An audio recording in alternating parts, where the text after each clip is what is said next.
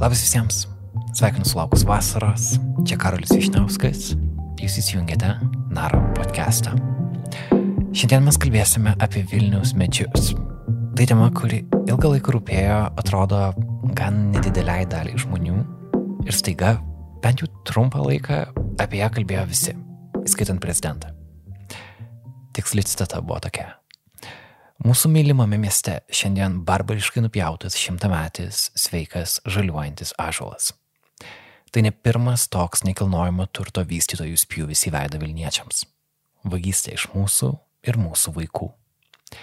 Nebūkime abejingi, priešinkime sąžinę praradusiems niekdariams. Tai prezidento Gitano nusėdo žinutė Facebook'e, gegužės 20-ąją, kai greta rinktinės gatvės statybų aikštelėje buvo nukirstas ažuolas. Šiandien, kai rašinėjau šį epizodą, iš kolegos Karolio Pilypo gavau žinę, kad Vilniuje Marijampolės gatvėje nukirstas kitas ažuolas. Karolis pasidalino Google Street View nuotraukomis prieš ir po šito proceso. Tas ažuolas, anot gyventojų, buvo dar didesnis už rinktinės gatvės ažuolą, tik jo nukirtimas praėjo nepastebėtas. Panašių pavyzdžių, kada sveiki žmonių pamilti medžiai yra nukertami ar dėl statybų, ar dėl gatvių renovavimo yra daugiau. Vien Vilniuje mes tai matėme Širmukšnių gatvėje, Kaštonų gatvėje ir kitur. Taip pat tai vyksta ne tik Vilniuje, apie tai mes patys esame rašę ir kalbėję Naroje. Pavyzdžiui, tyrimas, kurį rekomenduoju, vadinasi Už lėšas biologinį įvairovį puoselėti krito trakų medžiai. Mes jį publikavome Nara LT. Tad šiandien mes tęsime medžio temą, tai bus interviu. Ir mūsų pašnekovas yra žmogus, kuriai šitą temą yra labai asmeniška ir kurios dėka daug Vilniečių sužinojo apie Vilnius centre Lukiškių aikštėje esančių liepų likimą. Aš esu Elena Reimerytė ir aš esu dokumentikos kurėja. Elena Reimerytė yra LRT laidos Spalvos autorė Prieš porą metų ji parinkė dviejų laidų ciklą apie Lūkiškai aikštės liepas, parodžiusi, kaip aikštės renovacija pakenkė šiems mečiams. Mes su Elena susitikome gegužės viduryje, kai Lūkiškai aikštės liepas dar buvo ten. Šiandien jos jau yra nukirstos. Tas liepas minėjo dar 19 amžių ir šiandien iš jų ten likusi nenukirsta yra tik viena. Tad šis interviu, kaip sako Elena, yra gedėjimo interviu Jis yra bandymas suprasti, kaip mes kaip Vilniečiai atsidūrėme šią situaciją ir kokios yra išeitys iš jos. Bet pradėkime nuo pačios Elenos, kas ji tokia ir kodėl jai ši tema rūpi. Aš čia užaugau ir čia užaugo mano tėvai. Ir šita, šita vieta yra mano namai tiesiog gyven, gyvenau čia visą savo gyvenimą iki išvažiavimo į Londoną, nes aš jau dešimt metų gyvenu Londone. Ir, ir augau šitose vietose ir augau su žmonėmis, tėvais ir seneliais, kurie irgi iš esmės gyveno aplink šitą aikštę. Mano, kai aš gimiau, mano močiutė, mamos mama Undinė Nasvitytė, jinai gyveno per vieną pusę, per aikštę nuo, nuo mano tėvų, kurie gyveno vienoj pusėje aikštės arčiau Gedimino prospekto, jinai gyveno arčiau, nu, vat, Montvilos kolonijoje. Tai, tai tame komplekse namų. Tai visai daug laiko čia praleidau, mokiausi važinėti dviračiu, palaidojau savo vėžlį, kai buvau 11 klasėje, kurį turėjau 11 metų. Va čia kažkur, kur mes visai esam Mums besikalbant pradėjo skambėti greta esančios Pilypo Jokūbo bažnyčios bokšte įrengtas karilionas. Hmm. Prisimeni varpus, kad taip skambėtų? Jie, kai augau, neskambėdavo taip dažnai. Čia visai malonus naujas, turbūt, naujas, nauja programa šitos bažnyčios, bet man tai patinka, kad, kad čia yra. Žinau, kad trukdo, mum irgi mes čia filmavom neseniai, irgi buvo sudėtingas momentas. Bet taip. Prieš perinant prie medžių temos, man buvo svarbu suprasti apskritai apie Elenos ateimą į žurnalistiką ir jos norą kalbėti socialinėmis temomis. Jos tėvai norėjo, kad Elena būtų dailininkė ir ji tam buvo tikrai talentinga. Buvo toks visai momentas, kad aš turėjau ten kokioje aštuntoji klasiai, jau taip rimčiau žiūrėti, kaip aš būsiu kad aš būsiu jau dailininkė. Ir jiems tas buvo labai svarbu ir aš turėjau eiti į perstoti Čiulionio menų gimnaziją, dailės klasę. Ir laikiau visokias tas, uh, tos kursus, pamokas piešimo akademinio. Ir aš be sustojimo kalbindavau visus žmonės. Man visą labai patiko bendrauti su žmonėmis. Žiauriai patiko. Taip patiko, kad mano tėvai turėdavo vaikystį mane gazdinti, sugalvoti kokias nors istorijas apie žmonės pavojingus, kad, kad aš tiesiog ne, ne, nedingčiau, tiesiog nes aš galėdavau nueiti su kažkokiais suaugusiais, mano mama nusisukdavo kažkur užsumokėti parduotuvėje, aš jau susirasdavau draugų, aš ten pasakodavau viską apie savo šeimą, kiek kartų ten seneliai išsiskyrė, kiek aš turiu brolių, ką jie veikia, kur jie yra, ką tėvai veikia. Ir mano tėvam toksai, nu, betarpiškumas ir toks hipersocialumas labai labai, juos labai gazdino. Gali būti, kad su Elenos Limrytės kūryba daugelis klausytojų turi santykių iš seniau, galbūt netgi to nežinodami. Ji kartu su tokiais žmonėmis kaip Kristupas Bolius, Tomas Ramonauskas, Inga Norkė, jie leido žurnalą pavadinimu Pravda. Kaip vėliau sakė Kristupas, dabar tokio pavadinimo žurnalui niekada neduotų, bet tada, maždaug apie 2007 metus, tai buvo ironiškas žaidimas su sovietinė praeitimi, ta praeitis atrodė kaip kažkas, kas niekada nepasikartos ir su kuo galima žaisti. Tas žurnalas buvo svarbus dabartiniai tokiai millennial kartai Lietuvoje ir Elena ten buvo viena svarbiausių autorių. Ir nors ji rašė daug tekstų apie madą, apie vakarėlius, apie besiformuojančią miesto kultūrą Vilniuje, jis turėjo ir stiprų socialinį jautrumą. Ir aš norėjau suprasti, iš kur jis atėjo. Elena prisiminė vieną istoriją. Prisimenu, vienas buvo atvejis, kai mane išsiuntė, pa, nu, pasakė, kad va, čia bus fainas interviu, nuvažiuok į Vilkpėdės slaugos namus, nes ten šiuo metu gydosi Marijonas Gedrijas. Uh, jis yra žymus Lietuvos uh, režisierius. Jis mano senelių kartos, jis režisavo daug žymių filmų, Herkumantą, Mhm. Ir aš važiavau į Vilkpėdės slaugos namus. Ir ten aš pirmą kartą buvau tiesiog patyriau, ką reiškia senatvė, ką reiškia, tiesiog buvau prie senukų, kurie turi, žinai, Alzheimerio diagnozę, kitų, kuriems labai blogai su sveikata. Mačiau, kaip taip tropu ir kaip, nu, valstybinė ir kaip valstybinė, žinai, ligoninė atrodo ta realybė. Tai tuo metu dar visai ta būtis ir realybė ligoninė atrodė pakankamai skausmingai. Aš žinau, kad ir šiuo metu nėra labai gerai. Ir mane tai labai labai labai labai stipriai paveikė ta, visa, ta, ta realybė žmonių, kuriuos aš sutikau, nes mes pabendravom su juo. Ir po to aš turėjau privežus vaikščių, ten visokių piragaičių jam nupirkus. Ir kažkaip siūliau ir sako, ne, aš nevalgau tokių dalykų ir aš galvoju, naisiu kitą palatą, duosiu tokio močiutę. Ir aš prieinu prie jų ir aš, ir aš noriu paklausti, ar, ar galiu jums pavaišinti, ar galiu palikti. Ir jos negali kalbėti, jos bando kažką pasakyti ir negali ir aš, išsi, ir aš išsigastų, nes aš niekada nesupratau, aš nežinojau, kas tai yra. Ir po to aš daug metų žiūrėdama, žinai, dokumentinius filmus apie Alzheimerį, supratau, kad jos tiesiog nori man padėkoti ir jos negali.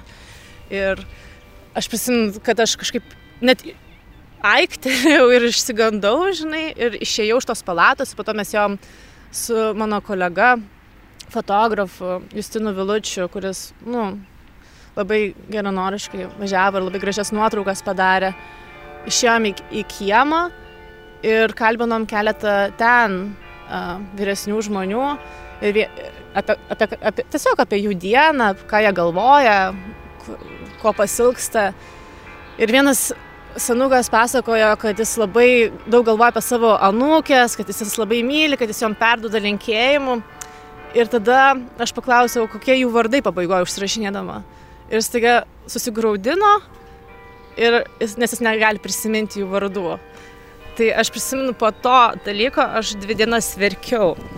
Ir čia buvo pirmą kartą tokia didelė, didelė um, reakcija, nes aš kalbinau kažkokius vakarėlius, kažkokius dizainerius, up and coming ten žmonės ir prisimenu tą realybę, tą tikrą, žinai, um, kažkokia prasminga, prasmingas kontaktas, tu kaip žurnalistas patiri kažkokį prasmingą kontaktą ir tu gali parsinešti ir kažkokį, žinai, įspaudą padaryti, kažkokį tikrą darbą. Tu buvai labai jauna tada. Man buvo 19 kažkur metų. Tai aš prisimenu po to. redakcijas vis duoda tave siuntė be jokių ten apmokymų tiesiog. Ne, ne, ne, ne, ne.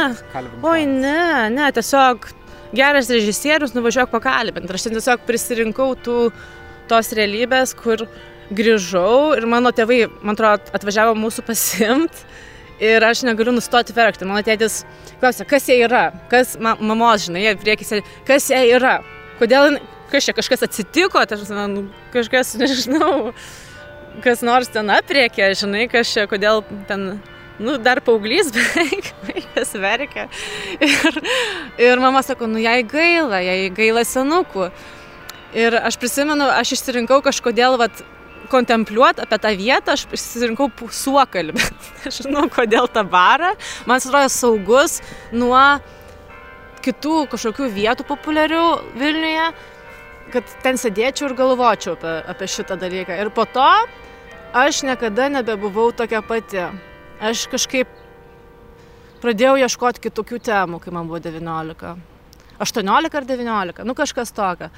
Pradėjau ieškoti visiškai kitokių temų, gal aktyviau kitokių temų. Ir man, nežinau, tokia, tokia visai buvau į madą linkus ir po to jau niekada nebe, nebebuvo įdomu Mm. tokie ponių laimės reikalai turbūt. Vėliau Elena nuėjo nuo žurnalistikos, išvyko į Londoną ir daug metų dirbo reklamos srityje. Jie taip puikiai sekėsi, bet ji visada norėjo kažko daugiau. Aš turėjau psichologę, kurią pasisamdžiau, kad geriau, būčiau, kad, kad geriau sektųsi dirbti reklamą. Ir iš tikrųjų pirmas mūsų pokalbis buvo, man atrodo, aš esu super jautri savo, savo darbe, man per daug čia rūpi dalykai, tai aš norėčiau jūs su jumis dirbti, kad man tai išsispręstų. Kaip manot, kiek čia laiko užtruks? Mėnesį, du mėnesius. Toks buvo visai pokalbis, čia, nu, seniai buvo jau labai. Um, ir jinai tokia, aha, o tik... Mhm. Ir jinai po truputį su manim dirbdama man padėjo, padėjo suprasti, kad aš nu, nedirbu darbo, kurį, kurį aš noriu dirbti. Ir mane pradėjo skatinti daryti tą šuolį atgal. Ir kas man buvo labai svarbu, nesiblaškyti, nes man atrodo, kad aš uždariau tą žurnalistikos duris, kad čia buvo kažkoks jaunas, early 20s, žinai, sproginėjimas, išsi, kad aš turiu nusiraminti ir nemest kelio dėl to kelio, kad čia turi būti įsikibus į tą industriją. Ir, nu, kad, nu, negalima blaškytis, kad, nu, tu renki patirtį ir negalima blaškytis. Ir man buvo 27, kai aš taip, nu, negalima nieko keisti, kas čia dabar per keitimai, nu, viskas, dabar, kai išeisiu į pensiją, ir aš sakydavau, kai aš išeisiu į pensiją, aš tiesiog dirbsiu su dokumentika, o iki tol, ir aš prisimenu, man sakydavo žmonės, tai dabar dirbk, nu, dabar dirbk. Ir buvo labai nedrasu, labai baisu daryti tą šuolį. Ypač tokiam, žinai, tokiam mieste kaip Londonas, kur buvo tikrai baisu, bet mano psichologija mane labai palaikė. Ir aš turėjau grįžti pasidaryti tokius ten tyrimus Lietuvoje. Aš turėjau pabūti pirmą kartą per tiek metų, dvi savaitės Lietuvoje. Aš galvoju, ką su tokiu laiku veikti. Tažinai, čiagi nu, visiškai marios laiko. Ir tuo metu vyko mytių visokie dalykai ne visokie, o, o mytių tiesiog vyko. Ir man buvo labai įdomu, aš buvau nutrūkusi labai nuo dialogo Lietuvoje. Man buvo labai įdomu grįžti ir pakalbinti žmonės, nu, vat, kaip jie apie tai jaučiasi. Ir gavosi, kad aš tiesiog susiradau tokią kolegę, kuri irgi a, filmuoja dokumentiką ir mes kolaboravom, mes, mes pradėjom kartu dirbti. Ir Ir prasidėjo mano šitie dokumentikos serialai Lietuvoje. Aš tiesiog padariau prezentaciją ir gavau ir dariau ir labai, nežinau, labai, labai... Apie spalvas. Ne, prieš spalvas buvo tokie atradimai. Tai buvo, Atradimai, okei. tai buvo LNK ir po to LRT laidų ciklas. Okay. Irgi tai buvo tokia priešistorė, nenuobodi dokumentai.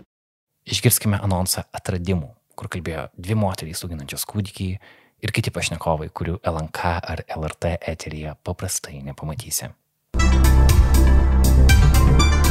Prieš gimdymą jo buvo, kad, nu tai va ten sesutė, tegu palaukia tavęs, jūs, ne čia žmona. Nu tai eikim toliau tada. gerai, ką mes valgom. Juos, žinokit, toks vienas konfliktas. Kestas užavo perukų didelę, didelę pūstą suknelę. Ir per visą verslo statymą realiai stauninau.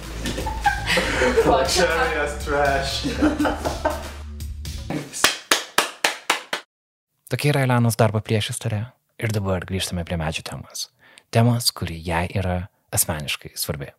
Aš norėjau suprasti, kodėl. Kaip tapo medžiai? A, aš manau, kad per sukrėtimą ir per gedulą. A, nes aš gedžiu tų medžių, a, kuriuos mačiau visą gyvenimą per savo langą, kurie, kurių lapai, žinai, rėmėsi į mano kambario stiklus lango. Ir aš niekada negalvojau, kad aš turiu ryšį su medžiais, bet aš turiu. Ir, žinai, lietuvių literatūroje daug yra ryšio su gamta, bet gal, žinai, moksleiviui, kuriam labai viskas įdomu ir ypač vakarėliai ir visokie tokie dalykai, tai sunku suprasti. Ir aš, ir aš užaugau ne kaime, aš turėjau, būdavau tetos sodyboje, kažkoks tas ryšys būdavo, bet iš tikrųjų aukti Vilniuje, taip kaip aš augdavau, kiekvieną vakarą eidama pasivaikščioti su savo tėvais, kaip tokį ratą aplink senamesti, tai buvo pakankamai žalia patirtis tokia. Mes turėjom labai daug alėjų, viešlių ir Gedimino prospektas, kai jis turėjo dar senasias liepas iki rekonstrukcijos. Svarbi informacija kontekstui. Iki rekonstrukcijos baigtos 2003 metais Vilnius Gedimino prospekte buvo daug viešlių senųjų liepų menančių dar XIX amžių. Rekonstrukcijos metu jos buvo iškirstos ir pakeistos naujomis liepomis. Aš manau, kad mes įdėsime į aprašą šito, šito interviu tą nuo, tas nuotraukas iš Gedimino prospekto, koks jis buvo. Ir jis buvo jo architektūra visa buvo labai stipriai visas kraštovaizdis susijęs su viešliom senom liepom, kurios čia buvo labai labai seniai. Kadangi jos buvo sudintos jau ūgteliusios, jos, yra, devi, jos, jos buvo XIX amžiaus liepos. Ir uh, tam tikruose kampuose, vasario 16 gatvėje, tarkim, jos gale pabaigoje, yra jų likusių. Ir, ir čia buvo visa lėja medžių. Ir 2000-aisiais prasidėjo toks naujinimasis miesto. Miestas yra, ten centras, Gedimo prospektas yra miesto svetainė. Ir kai atvažiuoja svečiai, ten tokios skambėjo frazės politikų, um, turi būti viskas labai švaru, nauja, nauja, naujinkim, atnaujinkim. Ir Gedimo prospektas turėjo senas plyteles, labai senas, skirtingi, žinai, miest, miestą valdė skirtingi šeimininkai per, per, tiek, per tiek laiko, buvo uh, politinės permainos.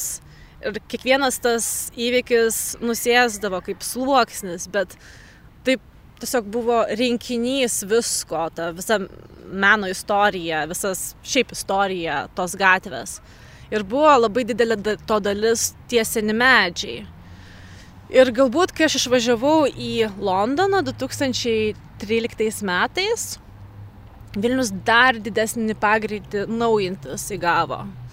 E, skverus, parkus, e, kitas gatves, keisti plyteles, labai labai daug pas mus plytelių dangų pakeista ir jos keičiamos taip, kad būtų labai lygų, viskas iškasta iš apačios, kad tokie sumuštiniai skirtingų statybinių medžiagų dedami ir, ir tada jie užlyginami ir tada žmonės, kurie deda, mato, kad čia yra toks gražus lygus, kaip jie sako, horizontas. Ir tai viskas vyksta iškasant viską, kas yra apačioje. Ir apačioje, kas visada būdavo, tai buvo medžių susipynusios šak, šaknys ir jų mytybinės šaknys, kas yra svarbiausios šaknys aplink medį. Um, ir tos senos plytelės, kurios būdavo, jos turėdavo, jos, jos tiesiog organiškai tiko prie ten augančių medžių, nes uh, jų tarpeliuose buvo vietos jiems, žinai, gauti drėgmės, uh, medžiagų. Ir taip, ir mano tėvai užaugo vaikščiodami į dailės akademiją per šitą gatvę. Ir kažkur 2000-aisiais aš prisimenu, prospektas buvo tveriamas iki, iki 2007 kažkur um, skirtingais etapais, žinai, dalimis.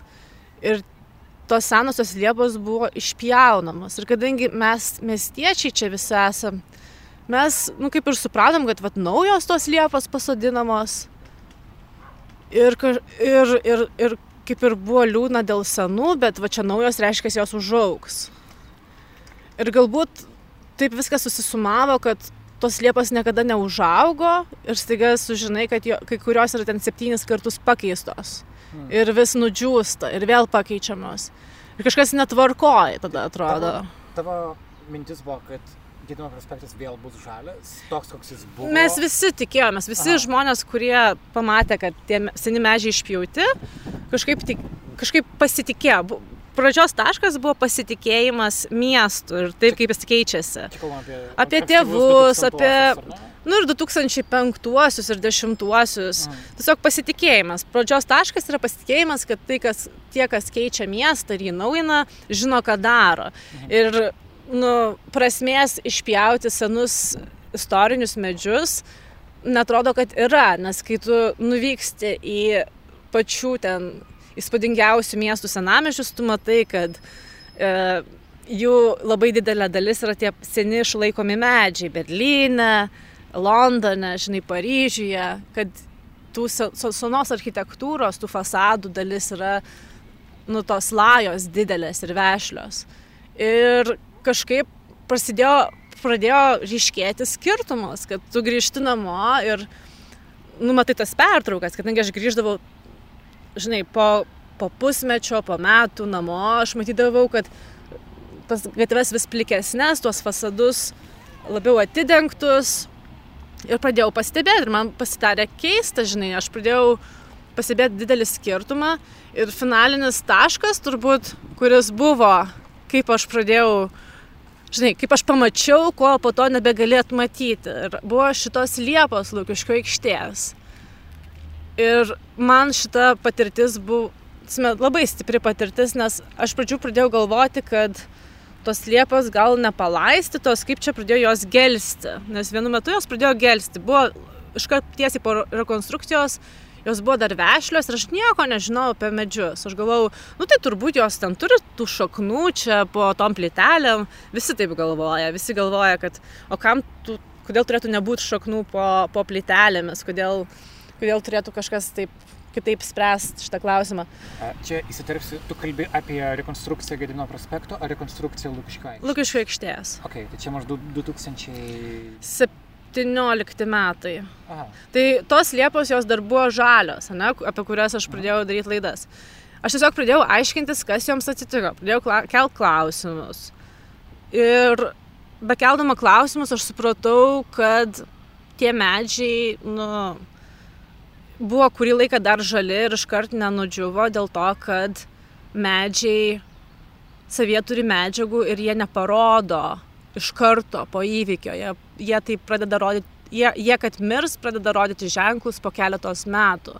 Ir to daug kas nežino apie medžius ir dėl to labai sunku atkasti, kad atsekti, kai kam nors, pavyzdžiui, kieme nukasa šaknis, kas nors ten pasidaro garažą, e, kitą vasarą tas medis dar bus pakankamai žalias ir tu nesuprasi, kad čia jau kažkas vyksta rimto ir tu jo neteksi ir tu neplanavai, kad kaimyno ten garažo statybos e, reikš, kad tu nebeturėsi paskutinio žalio medžio e, kieme, į kurį išeina tavo, nežinau, miegamojo langai ir tu visai, nu, tau visai patiko, kad šalia automobilių yra ir augalų, kurie, nu, valo orą ir, ir padeda žmonėm ir yra labai svarbus elementas, tiek ir estetinis, tiek ir visapusiškai kitoks, bet jūsų auditorijai tikrai nereikia sakyti, kodėl medžiai yra geri, gerai, dėl to aš nesiplėsiu į tą pusę.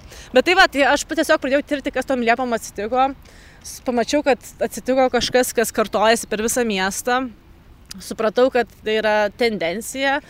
Ir kitas dalykas, aš pamačiau, kaip yra bendraujama su gyventojais, kuriems netinka, kokia kaina vyksta permainos. Jiems netinka, kad jie, ir, ir jie, jie išreiškia, kad jiems yra svarbu, kad, kad nu, Vilniuje dinksta medžių alėjos ir jos yra svarbios jų mieste. Ir aš pamačiau, kad nematau apie tai, žinai, pakankamai žurnalistų, kad apie tai rašytų.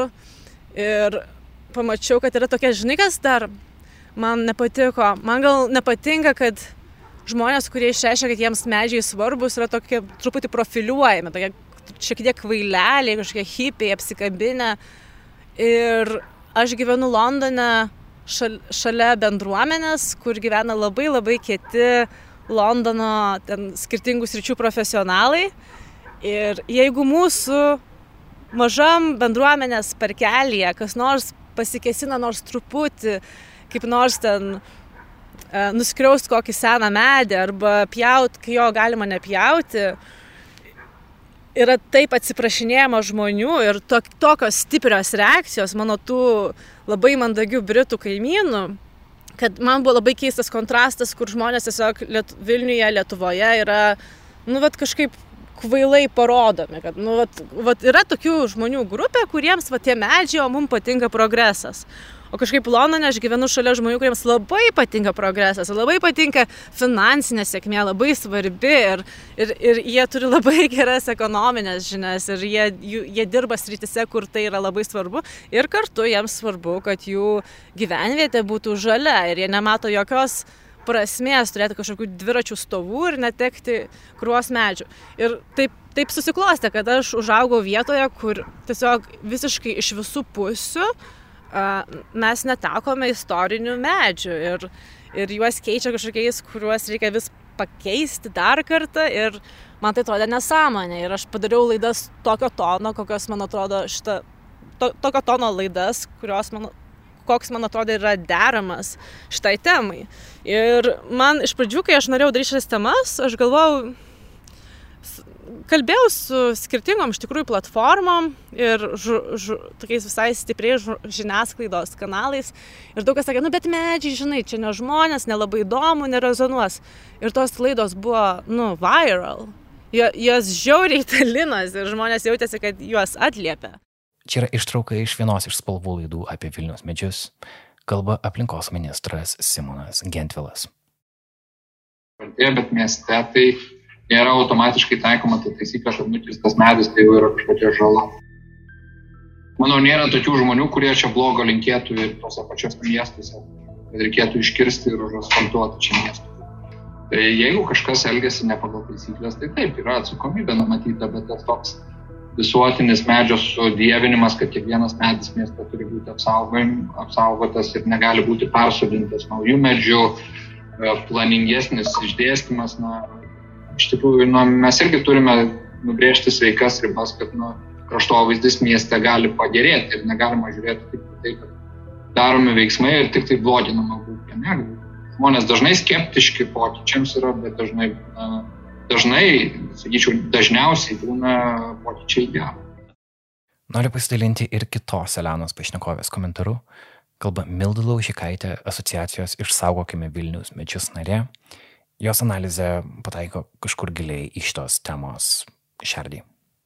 Aš su tuo savivaldybės PR irgi matau gal dvi kryptis. Viena iš jų yra tokia tarsi kažkokį pažadintą optimizmą galbūt Vilniečių, kad, kad viskas gerai ir kažkokią meilę savo miestui, nes iš tikrųjų to tokio pasovietinio nusivylimų labai daug šiaip Lietuvoje yra.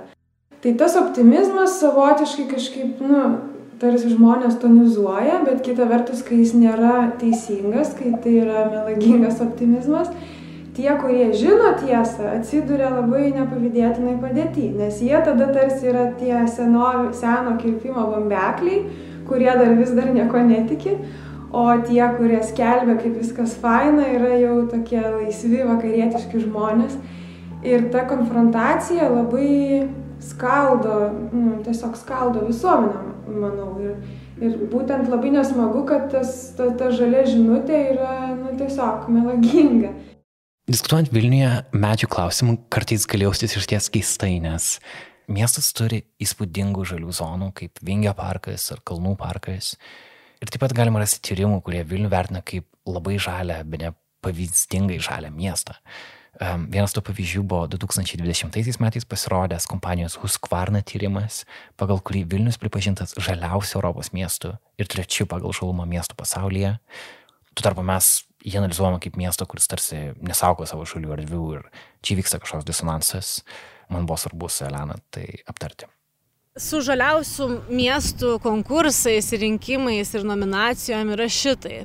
Uh, yra labai daug tokių konkursų ir jie susijęs su turizmu ir su visokiais ten verslo interesais ir a, žmonės, kurie dirba su medžiais, jie dažniausiai juokiasi iš tokių nominacijų ir panašiai.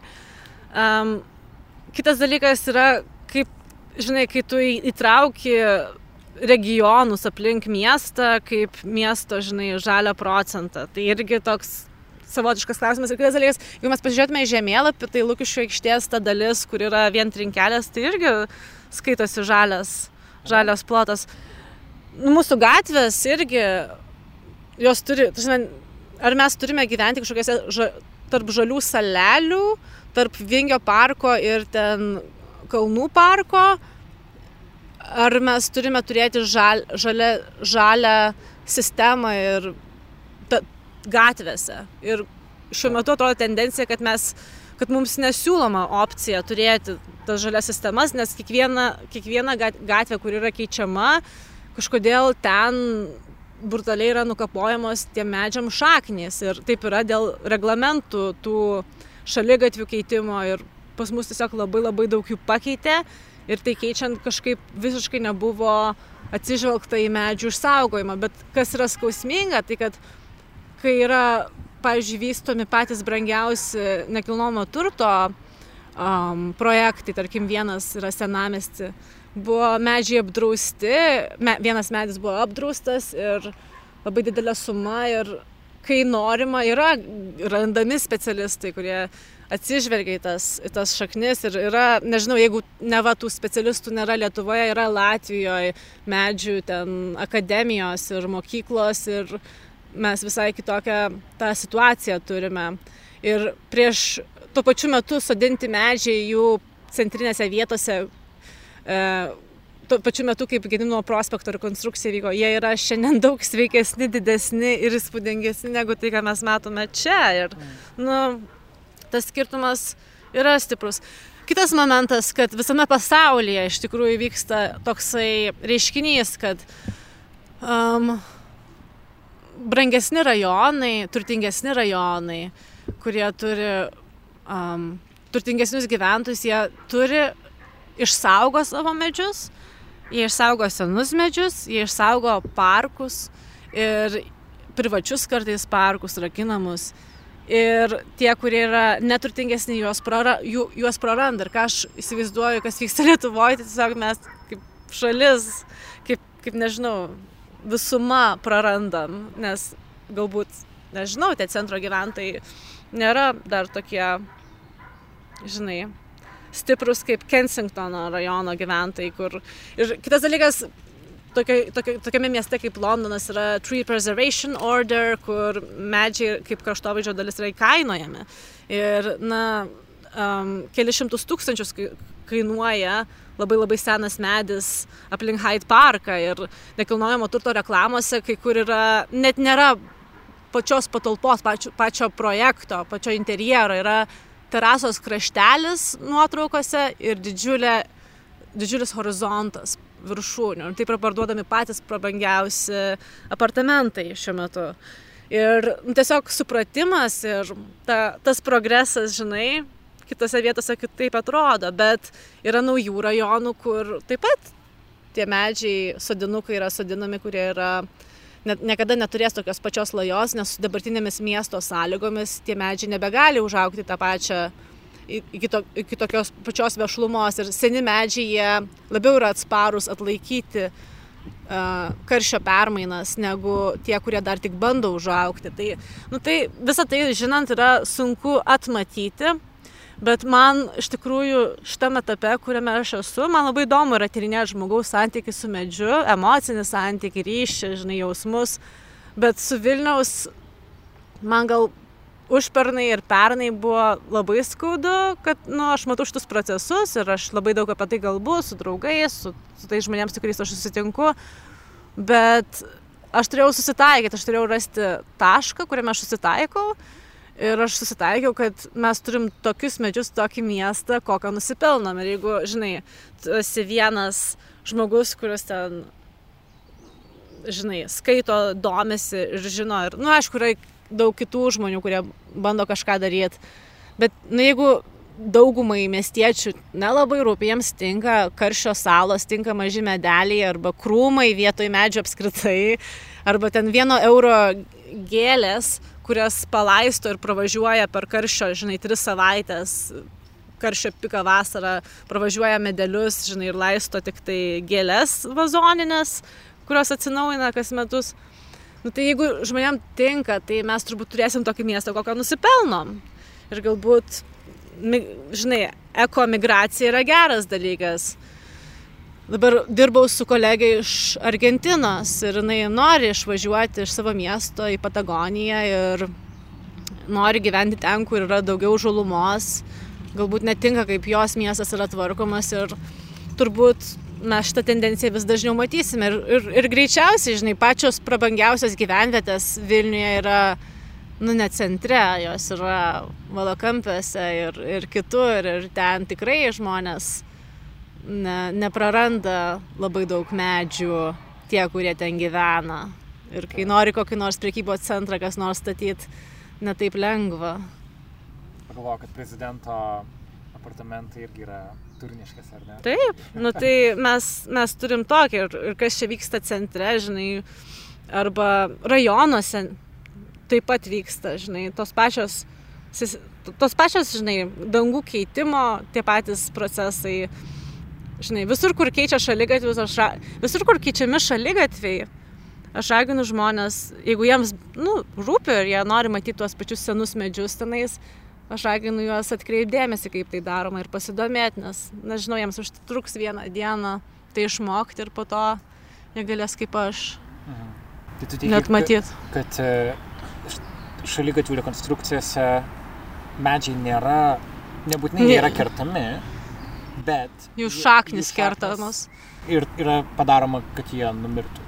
Aš, prasme, ta, ta, tas atne, re, rekonstrukcijos atneša rezultatą, kurį matome pylimo, pamienkalnio gatvėje. Tiesiog medžiai vargsta. Ir mhm. dalykas, kas ten keitėsi per paskutinius, žinai, kelis metus ar dešimt metų buvo, nu, dangos. Ir mhm. taip yra, yra toks įstatas, yra, yra, yra, yra taip, taip. Yra labai svarbu to, tų dangų, žinai, tvarka keitimo, bet um, tiesini medžiai nelabai kažkam rūpi, turbūt be dai, dailėtyros profesionalų, kraštovaizdininkų, šiaip žmonių, kuriems iš tikrųjų labai daug žmonių, kuriems tai yra liūdna ir gaila, bet, nu, vat, medžių protestai ir kažkokie kampanijos, vat, dar ne, netrodo priimtinos labai stipriai. O kodėl? Nu, vat, nežinau, gal yra tas įsivaizdavimas, nes Londone yra visai kitaip, žinai, ypač gyvenvietės, kur, žinai, žmonės, kurie turi ekonominių problemų, kur, nu, žinai, galvoja apie savo darbus, kaip pragyventi, kaip vat, dabar yra infliacija, kaip, susimo, kaip nusipirkti maisto, yra labai daug svarbių klausimų ir, žinai, dar, ant, dar šalia to rūpintis, kovoti, rašyti kažkokius raštus, domėtis, mokintis, stebėti, žinai, ginčyti su kaimynais yra labai sunkus procesas ir galiausiai žmonės tiesiog atsiduria situacijų, kur jau jie nebeturi tų medžių, jiems gal gaila, bet, nu, ne, yra pakankamai bejėgiškai kažką padaryti. Ir aš nežinau, aš tiesiog susitaikiau pati su tuo, kad Vilnius taip keičiasi, šis miestas yra toks ir kai aš pasilgstu namų, aš namų, kuriuos aš prisimenu, žinai, iš vaikystės arba miesto, kokią aš mačiau vaikystėje, arba, nu, ankstyvo jaunystėje, nes aš per, per tuos dešimt metų jis labai labai tapo sausas, nudžiūbusių medžių miestas, kol aš negyvenu. Kai aš pasilgstu tų, tų, tų, tų gatvių, aš važiuoju į Berliną, kur yra dar daug senų liepų. Ir tos liepos gyvena prie akmeninių, žinai, senų plytelių. Ir kai tu, po, kai tu tenai sėdi lauko kaviniai, tau yra vėsu, per karščio piką. Dėl to, kad tiesiog miestas vėsinasi ir, nežinau, aišku, ten yra irgi gatvių, kurios keičiasi ir, ir tampa kaitros salomis, bet daug mažiau turbūt.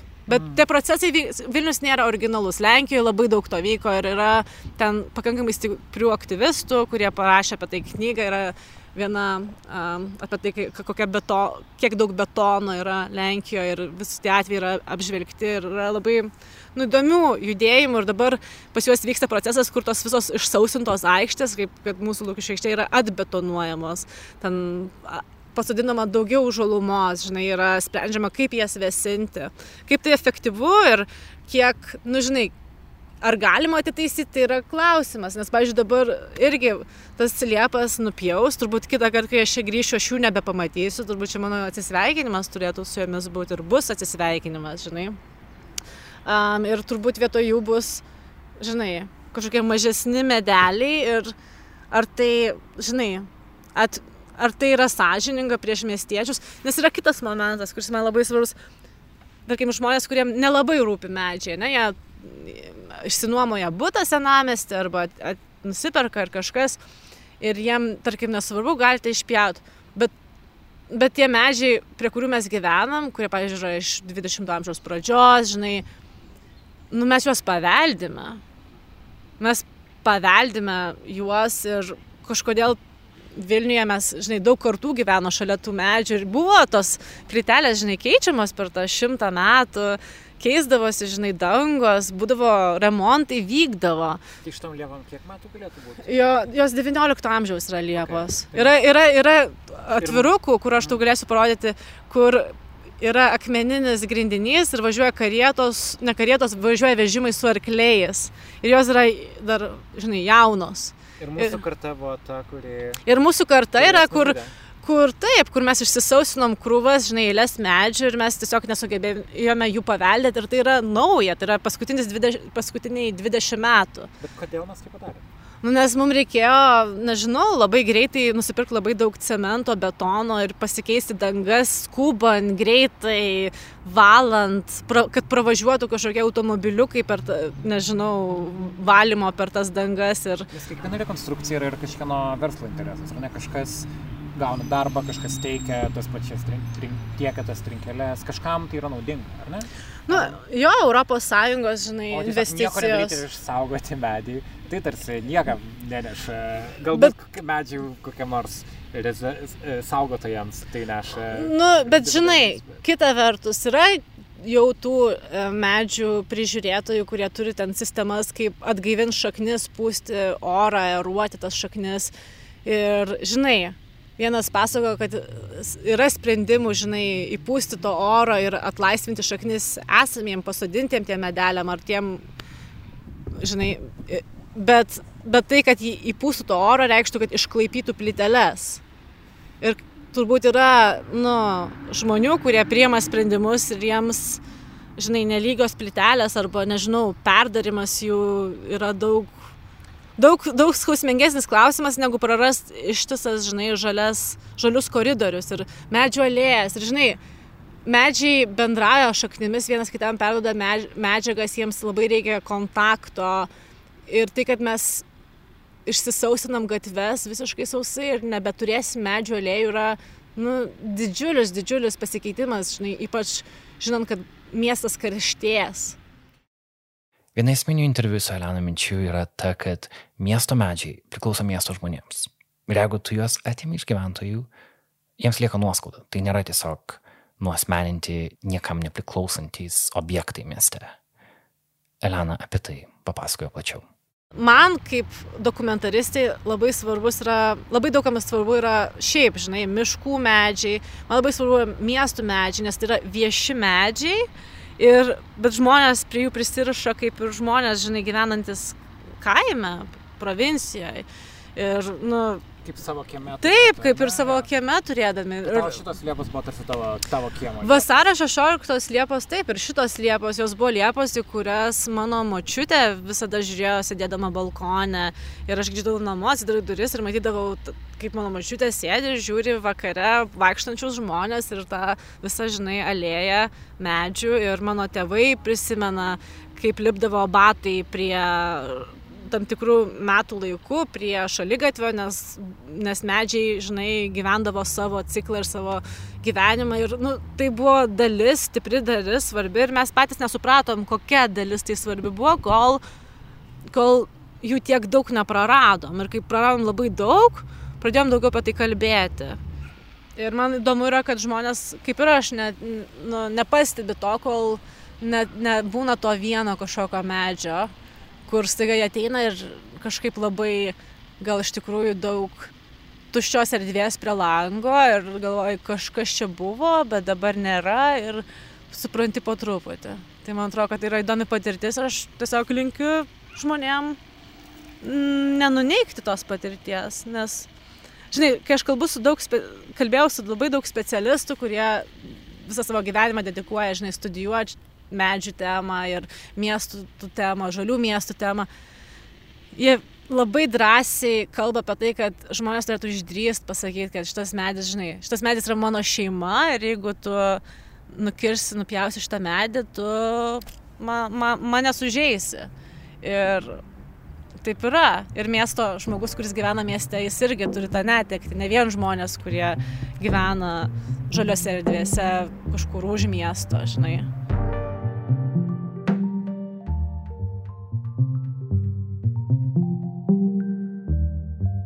Žiūrėčiau dėl tavo netikties. Ačiū. Ačiū tau, Elena. Nėra už ką.